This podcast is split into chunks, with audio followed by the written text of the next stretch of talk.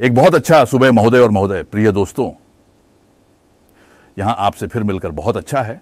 मैं आपको आज सुबह उस स्थान पर ले जाना चाहता हूँ, जो आज सुबह पढ़ा गया है। लेकिन मैं तुरंत कहना चाहता हूँ कि यह वास्तव में एक उत्तराधिकारी है, क्योंकि हम फिर उस पर आएँगे जिस पर अपोस्टल पॉलस ने टिप्पणी की है उस शब्दों पर जिन्हें हमने जेनेसिस पंद्रह से पढ़ा। और मैंने इसे शीर्षक दिया है, जैसा कि आप मेरे पीछे स्क्रीन पर देख रहे हैं, भगवान अधर्मियों को धर्मी ठहराता है और मैंने इसे एक बोलचाल के निशान के साथ भी सीधे स्वीकार किया है, क्योंकि यह बहुत है। और मैं सीधे स्वीकार करता हूँ कि यह एक बहुत ही अत्यंत वक्र युक्ति है। धर्मी, भगवान द्वारा धर्मी ठहराया जाने वाला असाधारण है। इस सभा की घोषणा में मैंने लिखा था, हाँ, और मैं वहाँ समय के साथ शो और इस सभा की तैयारी में भी एक बार फिर नकारात्मक दृष्टि से धक्का खाया है। समय के साथ उस सत्य को कमज़ोर करने या संबोधित करने के लिए कई प्रयास किए गए हैं, लेकिन यह कामयाब नहीं होता है। ये सभी कोशिशें वास्तव में हैं, और यह वास्तव में है कि नतीजे पर पहुँचने की कोशिशें हैं। यह वास्तव में और यही वास्तविकता है। ये सभी प्रयास हैं कि यह साक्षात्कार की मुकवा उसकी सारांश से है। नौ हम पहले जेनेसिस पंद्र पर जा रहे हैं और फिर मैं पाँचवें विकल्प में स्थित, स्थिति में जुड़ता हूँ। नो, हाँ, वह हाल ही में पढ़ा गया है, इब्राहिम को तय करना चाहिए। उन्होंने तो उच्च आयु में बहुत हो गए हैं, लेकिन क्या? यह तो एक सांगीत अनुप्रयोग है, क्योंकि हाँ, सर्वश्रेष्ठ आदमी एक सौ चौहत्तर हो गए थे। और आप फिर उच्च आयु कब होते हैं? लेकिन अच्छा बाइबल शब्दों में भी वह निश्चित रूप से उच्चायु के हो गए थे और स्थिति यह थी कि वह अब भी संतानहीन थे। यह एक परिचित कहानी है, मुझे उसे विस्तार से व्याख्या करने की आवश्यकता नहीं है। और उसी रोमन चार, जहाँ हम बाद में जाएँगे तो हम भी देखेंगे कि वे दोनों, और ऐसा ही कहलाता है, मर गए थे। अर्थात, उन्हें जीवन उत्पन्न करने की क्षमता नहीं थी। सारा बिल्कुल नहीं था, क्योंकि उसकी अवृद्धता थी। उसके अलावा, उसे जैसा कि यह कहा जाता है, महिलाओं के बुद्धिमान तरीके की तरह नहीं गया था। यह एक उपमहाद्वीपीय भाषा कहने का एक सुसमाचारी तरीका है। लेकिन हम अच्छी तरह से समझते हैं कि इसका क्या मतलब है, और हम कह सकते हैं कि प्रजनन के संदर्भ में उसकी तारीख के अनुसार वह इसलिए समाप्त हो गई थी। लेकिन यह थोड़ा और और इब्राहिम से हम पढ़ते हैं, वह विस्तार से थोड़ा बाद का समय है। भी मर गए थे और इसलिए उन्हें बच्चे नहीं हो सकते थे। यह थी स्थिति, वे संतानहीन थे, वे बच्चों का इंतज़ार कर रहे थे और अब इब्राहिम ने तय कर लिया है कि यह अर्थ है कि विरासत मेरे सेवक को जाएगी। आपको यह समझना चाहिए कि इब्राहिम एक धनी आदमी थे। यह समृद्धि दमास्कन इलियाजर को जाती थी। फिर भगवान ने इब्राहिम को सुधारा।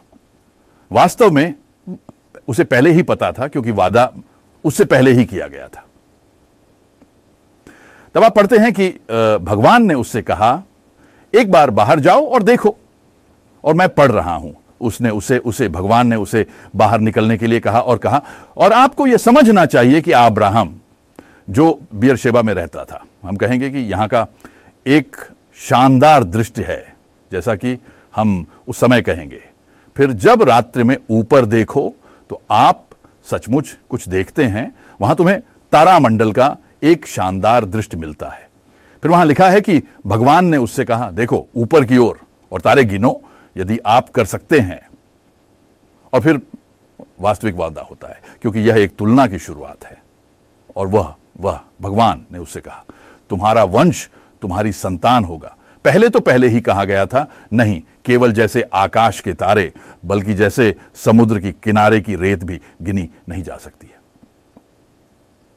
तुम्हारा वंश ऐसा होगा, इब्राहिम ने अब तक कहा है कि उसने इलियजर दास को भी समर्पित किया है। नहीं, वारिस एक शारीरिक पुत्र के पास जाता है। और इसके अलावा यह बहुत से जनों का पूर्वज है। उस समय भी वादा किए जाने वाले पुत्र की बात नहीं थी, लेकिन तभी उसका नाम और भगवान ने उसे इब्राहिम कहने का नाम दिया। इब्राहिम के नाम में एक एच जोड़ा गया और उसके बारे में बहुत कुछ कहा जा सकता है। लेकिन सबसे महत्वपूर्ण यह है कि इससे उसे बहुत से जनों के पिता कहा जाता है। और यह कुछ विनम्र हो सकता है आप कह सकते हैं। या ये लगता है कि एक बांचीर आदमी को कह रहा है कि तुम हो कई जनों के पिता। लेकिन ऐसा आ, उसे परिवार में कहा जाता था। बहुत से जनों के पिता तुम बुला रहा है। अगर सारा ने उसे बुलाया होता तो ये एक कट्टर मज़ाक की तरह सुनाई देता। हाँ लेकिन जो आखिरकार पैदा हुआ, उसका नाम हुआ जित सचक। और ये हँसी का अर्थ है। हाँ, और ये कौन सा मज़ा है जब आप, हाँ, इसे मैं तो ऐसा ही कह सकता हूँ, जब आप भगवान का वादा जानते हैं। तो आपके पास हँसी के लिए वास्तविक कारण होता है। और भगवान वास्तव में व्यक्ति की सभी सीमाओं को हंसता है। भगवान के लिए कुछ भी असंभव नहीं है। तुम्हारा वंश ऐसा होगा। ध्यान दें यह कोई आदेश नहीं है। इब्राहिम को पिता बनाने का आदेश नहीं है। संत यह मेरे लिए काफ़ी स्पष्ट लग रहा है। उसने अपनी पूरी कोशिश की थी, हम ऐसा कह सकते हैं। लेकिन दशकों बाद भी यह सफल नहीं हुआ था और उस पर आशा करना मानव दृष्टि से कहा जाए तो ज़ीरो पॉइंट ज़ीरो है। लेकिन भगवान कहते हैं, तुम्हारी वंशज आकाश के तारों की तरह होंगे और उन्होंने कोई शर्तें नहीं रखी हैं। और इसे अब मैं विशेष रूप से बता रहा हूँ। भगवान एक वचन देते हैं और उन्होंने नहीं कहा, अब्राहम, अगर तुम ठीक है? ठीक है ठीक है। तो मैं देखूँगा कि तुम्हारे वंशज या तुम्हारा बीज ऐसा होगा। नहीं, यह ऐसा होगा। तुम कौन भी हो और जो भी करो, यह पूरी तरह से बाहरी है। यह वास्तव में एक अविशेष वचन है। एक सूचना या दूसरे शब्दों में कहें तो एक संदेश है। पॉलुस ने बाद में गलातियों पत्र में इसे भी ऐसा कहा। अब्राहम को इसे सुनाया गया, यानी एक अच्छी खबर यह है। यह वह अच्छी खबर है जिसे अब्राहम को सुनाया गया, तुम्हारा वंश ऐसा होगा, इसके लिए मैं जिम्मेदार हूँ। अब्राहम से कुछ भी मांगा नहीं गया उससे कुछ सूचना मिली, ऐसा होगा। और यह भी मुझे बहुत अच्छा लगता है कि इसे इस प्रकार देखना। जब तुम पढ़ते हो कि उदाहरण के लिए अब्राहम के साथ कहा जाता है तुम बहुत से जनों का पिता होगा तो यह हमारे कैलविनिस्टिक मानसिकता में हम तभी यह समझते हैं कि तुम्हें होगा। और जब तुम यह सुनते हो, तुम्हें होगा तो तुम पहले ही अपने कंधों पर दबाव महसूस करते हो। ओह, हे राम यह अच्छा नहीं जा रहा, क्योंकि यह एक ऐसा बोझ है जिसके तहत तुम दब जाते हो। तुमसे वह चीज़ें मांगी जाती हैं जो अंत में पूरी नहीं की जा सकती हैं। लेकिन यह वह नहीं है जिसे तुम्हें कहा जाता है, तुम्हें होगा। जब तुम यह बाइबल में पढ़ते हो, सख्त रूप से लिया जाए तो यह एक पूर्व कहानी है।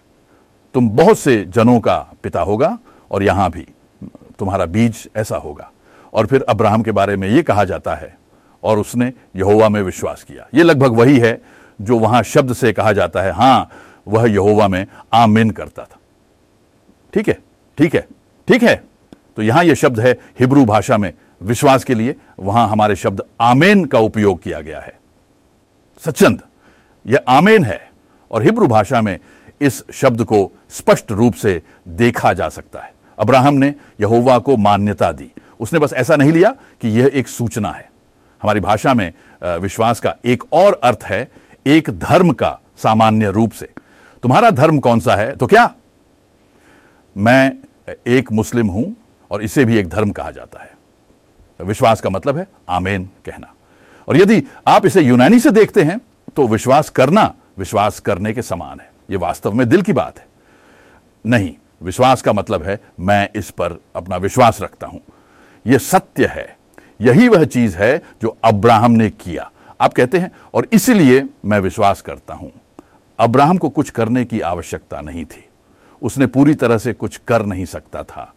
अब्राहम ने हाल ही में अपनी पूरी अशक्तता की स्थिति को स्थापित कर लिया था। और भगवान कहते हैं, हाँ, लेकिन तुम शायद अपने छत की सीमा तक पहुँच गए हो, लेकिन तुम्हारी छत मेरी तय है। मैं उस पर खड़ा हूँ। इसका मतलब है कि जो तुम्हारे लिए असंभव है, वह मेरे लिए संभव है। यह बहुत सा अब्राहम के इतिहास से भी एक बयान है। क्या यहोवा के लिए कुछ असंभव है जब उसने यह वादा किया है? वास्तव में जो वादा किया गया है, वह मृत्यु से जीवन है, वास्तव में। यह भी पूरे इंजील को है, यानी तुम्हारे मृत शरीर से या तुम्हारे सभी मृत शरीरों से। तुम्हारा अब्राम सारा से मैं जीवन पैदा करूँगा। और यह तो ठीक है, वही है इंजील जिससे मृत्यु से जीवन पैदा होता है। मृत्यु आखिरी शब्द नहीं है, और हम सभी मृत्युशील हैं। हाँ, लेकिन भगवान जीवन पैदा करता है और सभी मृत्यु को पीछे छोड़ देता है। मृत्यु को परास्त किया गया है, ये इंजील है। अब्राहम ने इसे बीज में ही माना। और हम कह सकते हैं कि यह थोड़ा गर्वपूर्ण लगता है। चार हज़ार वर्षों बाद हमें इतना पता है। हाँ, इतिहास बढ़ता गया है। और बहुत अच्छी बात है कि वह जो फिर कहा गया है, वह है उसका बीज और यथार्थ में वही ईसा है। वह बीज अब आ गया है, इसलिए वादा अब पूरा हो गया है। और इसलिए यह हमारे लिए केवल एक वादा नहीं है यह एक सूचना है, वादा पूरा हो गया है। लेकिन ठीक है अब्राहम, उसने भगवान पर विश्वास किया, उसने हाँ उसने उसे स्वीकार किया और फिर वहाँ लिखा है, उसने या दूसरे शब्दों में भगवान ने उसे धर्म में गिना। और यह एक इतना मौलिक वाक्य है जैसा कि यह साबित होता है, क्योंकि इसे नए नियम में कितनी बार दोहराया गया है। खासकर और कैसे हो सकता है कि यह उसने लिया है? ब्रह्मा शास्त्रों का अधिकांश उनके नाम पर है। चौदह पत्रों का लायक। लेकिन पॉलुस ने इसे इतनी बार उठाया है और यह उनके पत्रों में एक मौलिक तथ्य है। भगवान गिनता है।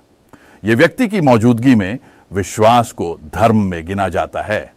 इसलिए। शायद यह भी कहना बहुत महत्वपूर्ण है कि यह यह मतलब नहीं है कि यह एक प्रकार की ओवरड्राफ्ट है, एक प्रकार की लेखा जोखा लेन देन है। तुम न्याय नहीं हो, लेकिन मैं तुझे इसे मान लेता हूँ। नहीं, यह ऐसा नहीं है। यह क्या मतलब है?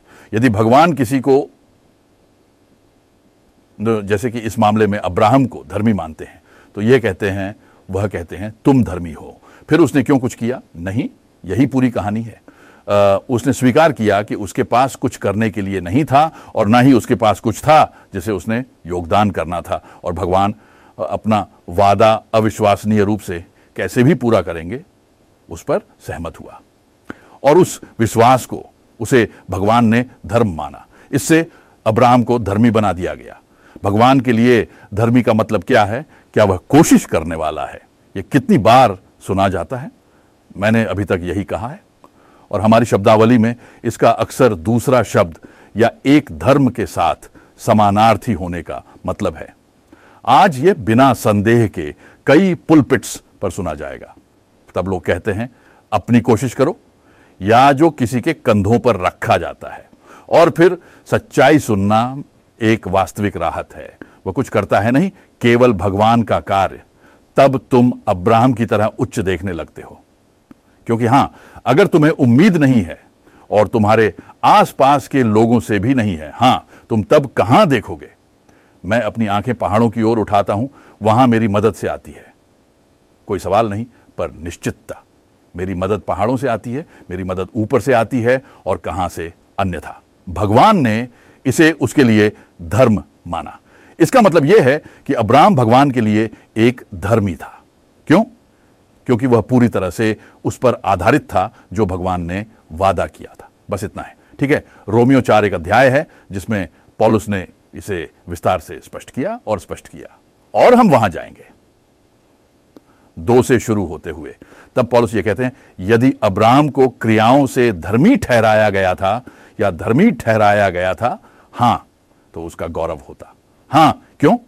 फिर उससे कुछ पर गर्व कर सकता था जो उसने किया था। यदि यह क्रियाएँ थीं, यदि अब्राहम ने कुछ किया होता तो उसने कह सकता था कि वह वह कर चुका है और वह उसके खाते में है। चाहे कुछ भी हो, वह काम, जो कुछ भी हो, विचार है कि यह मानव द्वारा स्वयं को एक प्राप्ति के रूप में श्रेय देने की भावना है। और फिर तुम कह सकते हो, मैंने इसके लिए काम किया है। अगर इब्राम को कार्यों से धर्मी ठहराया गया था तो उसका गौरव होता। बेशक तो वह गर्व कर सकता था लेकिन भगवान के पास नहीं यानी फिर सम्मान भगवान के पास नहीं जाता है या गर्व नहीं करता है। नहीं क्योंकि फिर उसने खुद कुछ किया होता। पॉलुस ने इन बातों को स्पष्ट किया। मैं आज सुबह इसे कर रहा हूँ। आ, कहानी की सारी बॉटम लाइन इतनी सरल है कि एक बच्चा इसे वास्तविक रूप से समझ सकता है। इसीलिए यह अविश्वसनीय है कि इस सत्य को किर्च इतिहास में इतना घुमाया गया है। व्यक्ति कैसे श्रद्धा को एक प्रकार से फिर से कार्य में बदल देता है, यह एक पीछे के दरवाजे के रास्ते का उदाहरण है। क्योंकि आप जानते हैं कि पुनर्निर्णय की केंद्रीय सत्यता यह है कि केवल श्रद्धा के द्वारा ही होता है। हाँ, यह सत्य है। लेकिन अगर कोई फिर से श्रद्धा को कार्य में बदल लेता है, अर्थात मैंने विश्वास किया है, यह मेरी प्रदर्शन कौशल है। यहाँ मैं इसे इवेंजेलिक रूप में बता रहा हूँ। तब लोग कहते हैं, मैंने यीशु के लिए चयन किया है। इसके पीछे विचार यह है कि मानव ने फिर से कुछ किया है और तब आपके पास प्रशंसा है। या फिर कहा जाता है कि भगवान ने सब कुछ किया है, मुझे बस उसे स्वीकार करना था।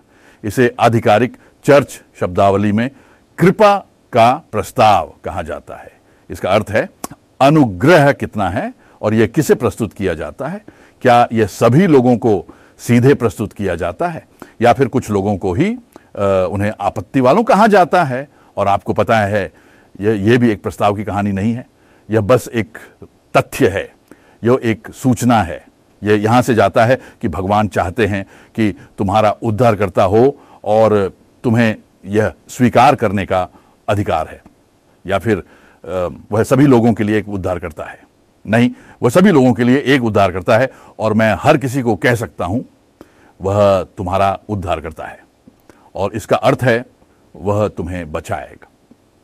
कैसे भी, कभी भी, लेकिन यह तथ्य है, वह तुम्हारा उद्धार करता है, जैसा कि वह तुम्हारा निर्माता है। वह तुम्हारा निर्माता नहीं है, क्योंकि तुम ये मानते हो। ये तो अब तक का बकवास है, या फिर वह तुम्हारा न्यायी है यानी वह सब कुछ सही करता है, वह तुम्हारा न्याय करता है। यह सशर्त नहीं है। नहीं, ये एक तथ्य है। वह तुम्हारा ईश्वर है। वह तुम्हारा निर्माता है। वह तुम्हारा उद्धार करता है ये एक सूचना है, एक संदेश। तुम इसे मान सकते हो या नहीं? हम आगे बढ़ते हैं। हम रोमियो चार श्लोक दो की ओर बढ़ते हैं। वहाँ तय होता है, अगर अब्राहम ने प्रदर्शन किया होता तो उसे प्रशंसा होती। लेकिन फिर प्रशंसा भगवान को नहीं जाती। और अब पॉलस कहता है, शास्त्र क्या कहता है? और मैं आपको बता सकता हूँ, अब वह जिनेसिस 15 श्लोक 6 से उद्धृत करेगा, जहाँ हमने अभी पढ़ा था। क्योंकि शास्त्र क्या कहता है? अब्राहम ने भगवान का विश्वास किया और उसे न्याय के लिए गिना गया। पॉलस अब अपनी हिब्रू बाइबल से उद्धृत कर रहा है। और हम पॉलस से लगभग पॉलस की दूरी में हैं, जितनी कि पॉलस अब्राहम से थे। इसका अर्थ है कि अब्राहम से पॉलस तक का समय लगभग 2000 वर्ष है और पॉलस से हम तक भी लगभग 2000 वर्ष है। तो यह 4000 वर्ष पहले हुआ। रबित हैश दिस अब केंद्रीय सत्य। अब्राहम भगवान के लिए क्यों एक धर्मी था? क्या वह इसलिए था क्योंकि उसने अपनी पूर्व शरण दिखाई? नहीं, उसने इसलिए धर्मी था क्योंकि उसने भगवान की अनश्वरवाद को विश्वास किया। यही वह सत्य है जो पॉलस यहाँ आगे ले जाता है। और यह यहाँ ही नहीं, हालाँकि उसने यहाँ इसे बहुत मौखिक रूप से भी स्पष्ट किया और स्पष्ट किया है। फिर पॉलस आगे बढ़ता है और कहता है कि अब उसको जो कुछ करता है, अर्थात कुछ कमाता है तो उसे मिलता है। इसका अर्थ है कि उसे अनुग्रह के अनुसार या कृपा के रूप में नहीं मिलता है। नहीं, अगर आपने काम किया है तो आप कह सकते हैं, मेरा मुआवजा हकदार है। अगर आप अपना मुआवजा पा लेते हैं तो आपको धन्यवाद कहने की आवश्यकता नहीं है। ठीक है? शैली के अनुसार आप ऐसा कर सकते हैं, लेकिन मेरा मतलब है यह एक आरण है जो चुकाया जाता है। इसका अर्थ है कि आपका नियुक्त आपको उस चीज़ की आरणी है। उसे तुम्हें वह देने में अधिकृत है जिसके लिए तुमने काम किया है, ऐसा ही काम करता है। काम करना वास्तव में इसलिए कुछ कमाना है। और जब तुम वह पा लेते हो तो तुम उसका दावा कर सकते हो, क्योंकि दूसरा पक्ष आपको वह देने के लिए ज़बरदस्त है, जिसके लिए तुमने काम किया है। ऐसा ही काम करता है। रोमियो चार, श्लोक पाँच। ये यही केंद्र है। पॉलस कहता है, उस व्यक्ति को जो काम नहीं करता है, लेकिन जो उस पर विश्वास रखता है। आप ये भी कह सकते हैं, आप उस पर अपना विश्वास रखते हैं, आप उस पर भरोसा करते हैं। क्योंकि विश्वास करना वास्तव में किसी चीज़ पर भरोसा करना है। शब्द भरोसा इसे और भी अधिक हृदय के क्षेत्र की चीज़ होने का सुझाव करता है। आप किसी पर भरोसा करते हैं, अपने बेहतर होने पर भरोसा करते हैं, आप किसी के शब्द पर भरोसा करते हैं। वह कहता है, और जब वह कहता है तो मैं उस पर विश्वास करता हूँ, तब मैं उस पर भरोसा करता हूँ, और उस पर प्रतिष्ठा की जा सकती है, संदेह किया जा सकता है। आप उसके लिए हँसी उड़ा सकते हैं, और यकीनन अब्राहम के साथ भी ऐसा हुआ है। बिल्कुल, अब्राहम ने भी बाद में अपने कमज़ोर पल जाने। लेकिन खूबसूरत बात यह है कि नए नियम में इसे सब कुछ सीधा उदाहरण है। इसे कोई भूमिका नहीं है। रोमियो पत्र में लिखा है, उस व्यक्ति को जो काम नहीं करता है, लेकिन उस पर विश्वास रखता है, जो दुष्ट को धर्मी ठहराता है। वह भगवान के लिए एक धर्मी है। इस सत्य को एक पलटना गया है ईसाई दुनिया में। लोग इस सत्य को वास्तविक रूप से नहीं मानते, लेकिन इस सत्य का सीधा सीधा मौद्रिक है पूरे सुसारण का सार। यहाँ लिखा है, भगवान दुष्टों को धर्मी बनाता है। ऐसा भगवान करता है और यह पूरी तरह से उसका कार्य है। तो तुम कह सकते हो कि लेकिन अब्राहम तो विश्वास करता था यह तो मानव कार्य है ना? लेकिन क्या यह कह सकते हैं कि अगर अब्राहम भगवान पर भरोसा करता है तो वह उसका कार्य है? बिल्कुल नहीं। दूसरे शब्दों में, जब कोई व्यक्ति भगवान पर विश्वास करता है, अर्थात उसके वचन में पूरी तरह निर्भर है तो वह भगवान का कार्य है। अगर आप विश्वास करते हैं कि इसमें आपका कुछ भी है तो भगवान उसे धर्मी ठहराता नहीं है। रोमियो पत्र में लिखा है, लेकिन जो काम नहीं करता है, लेकिन उस पर विश्वास रखता है, जो दुष्ट को धर्मी ठहराता है, उसका विश्वास उसके लिए धर्मी ठहराया जाता है। इसका अर्थ है कि विश्वास जो मैंने कुछ नहीं, हालाँकि मैं एक दुष्ट था, मैंने कुछ नहीं, लेकिन भगवान का अनश्वरवाद निर्णय है। तब जब तुम सोचते हो कि यह कुछ है तुम्हारा, तुम्हारी चयन या कोई अन्य कार्य, लेकिन यह सब काम है। इसका मतलब है कि तुमने इसे योग्य पाया है, या कम से कम इसमें कुछ किया है। नहीं, यह भगवान है जो दुष्ट को धर्मी ठहराता है। और इसलिए यह एक अत्यंत शानदार सूचना है, क्योंकि इसे तुम हर किसी को कह सकते हो, और इसमें किसी शर्त पर नहीं कि वे पहले तुम्हारी बात सुने या कुछ ऐसा नहीं। यह केवल एक सूचना है। भगवान दुष्टों को धर्मी ठहराता है तो तुम एक दुष्ट के पास जा सकते हो और कह सकते हो। तो संदेश क्या है? भगवान तुझे धर्मी ठहराएगा, वह तुझे बचाएगा। और तुम जानते हो कौन है जो इस पर टेरते हैं? हाँ, वह धार्मिक लोग हैं। ऐसा आसान नहीं हो सकता ना? और जो इसे नहीं मानते हैं, या तो वे कहते हैं, हाँ, लेकिन तुम्हें पहले विश्वास करना होगा। लेकिन मेरी यह सिद्ध करती है कि लोग इसे वास्तविक रूप से नहीं मानते। कौन सा विश्वास भगवान को धर्मी ठहराने में शामिल है? उसके पर जो धर्मी ठहराता है, या उस पर जो दुष्ट को धर्मी ठहराता है? लेकिन क्या वह फिर भी सभी को धर्मी ठहराता है? हाँ तो हमें थोड़ी दूर जाना होगा। क्योंकि ये रोमियो चार। और फिर हम रोमियो तीन में जाएँगे। रोमियो तीन श्लोक ट्वेंटी तीस में। यहाँ भी एक ऐसा ही सरल स्थिति है। पॉलस कहता है क्योंकि सभी अपराध करते हैं। उन्होंने कहा क्योंकि क्योंकि उसने पिछले अध्यायों में यह विस्तार से व्याख्या की थी और सिद्ध किया था जितना आवश्यक था। एक मनुष्य एक लक्ष्य का असाध्य है। क्योंकि यह वास्तव में वाक्य अपराधी का अर्थ है। पानौन का मानव अपराध करता है। उसका लक्ष्य छूकर रह जाता है। और ये कौन है? पॉलस उत्तर देते हैं कि सभी सभी का क्या मतलब है? नहीं कोई छोड़कर, वही, नहीं एक भी। वह पहले रोमियो तीन में कहता है, वहाँ कोई नहीं है जो भगवान को खोजता है, नहीं एक भी। तो जब उन्होंने कहा, क्योंकि सभी अपराध करते हैं? तो वह पहले जो उन्होंने पहले स्थापित किया था, उसी पर बोर्ड कर रहे हैं, इसलिए क्योंकि। और यह सभी है, और यह महत्वपूर्ण है कि आप इसे सभी पढ़ें। क्योंकि इसका मतलब है कि यह एक विश्वव्यापी सत्य है, जिसमें कोई छूट नहीं है। जैसा कि सभी लोगन मृत्युमय हैं, ऐसा है सभी लोग पापी हैं। नहीं क्योंकि उन्होंने कुछ गलत किया है, क्योंकि बच्चा कुड़ी में भी पापी है। उस बच्चे को उसके लिए क्या कर सकता है? कुछ नहीं। लेकिन यह सारी बातों में नहीं है। सभी अपराध करते हैं, सभी अपराध करते हैं। अपराध करते थे, कहा जा सकता है? यह क्रियाओं से संबंधित है। लेकिन समस्या यह है कि मनुष्य एक लक्ष्य मिसर है।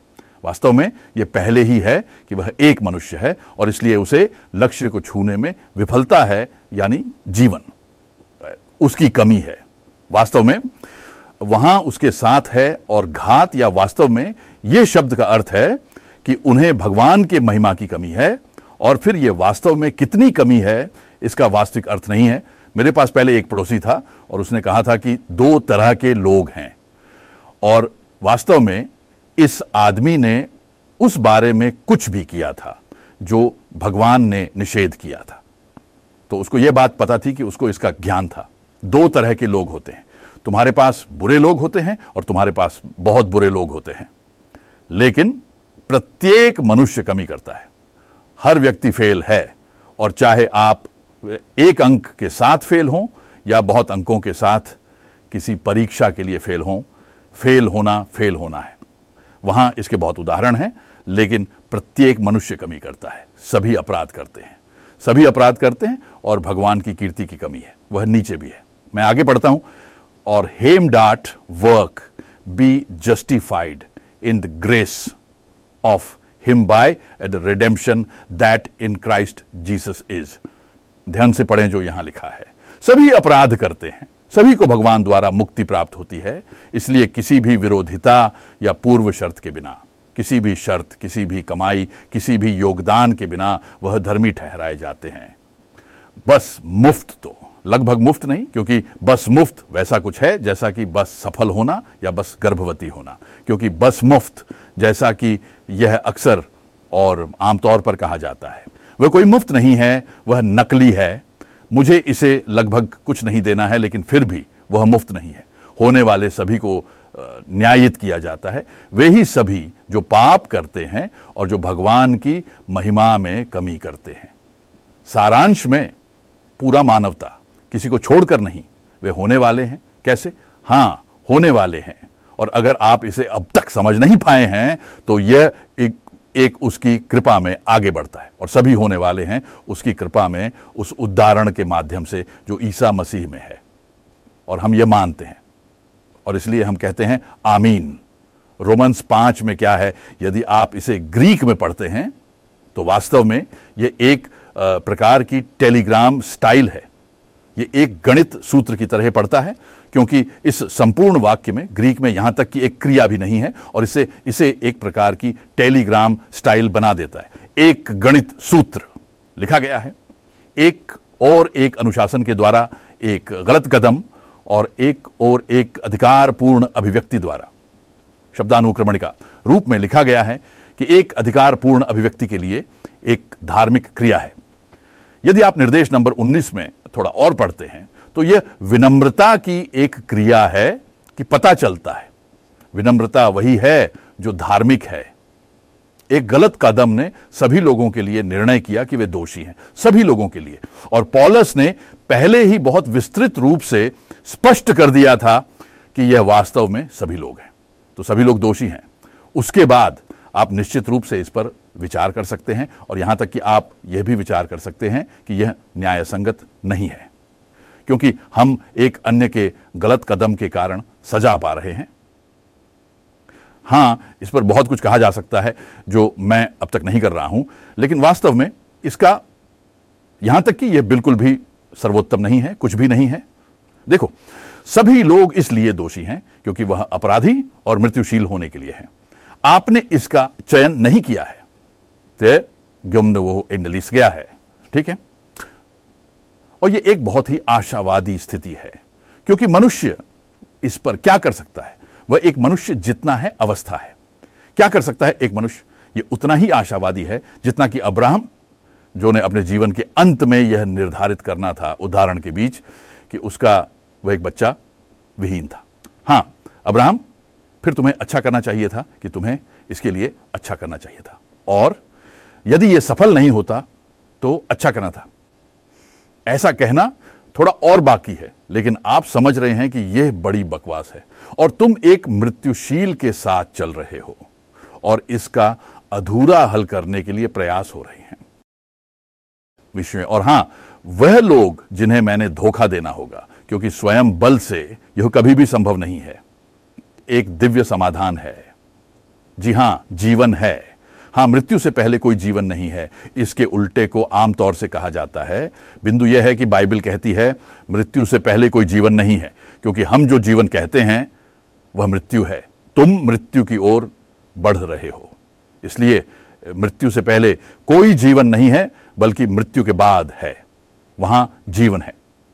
और वह 2000 वर्ष पहले था, जब वह पत्थर जेरूसलम के बाहर के किले से बाहर हटा गया था। प्रकाश में आया।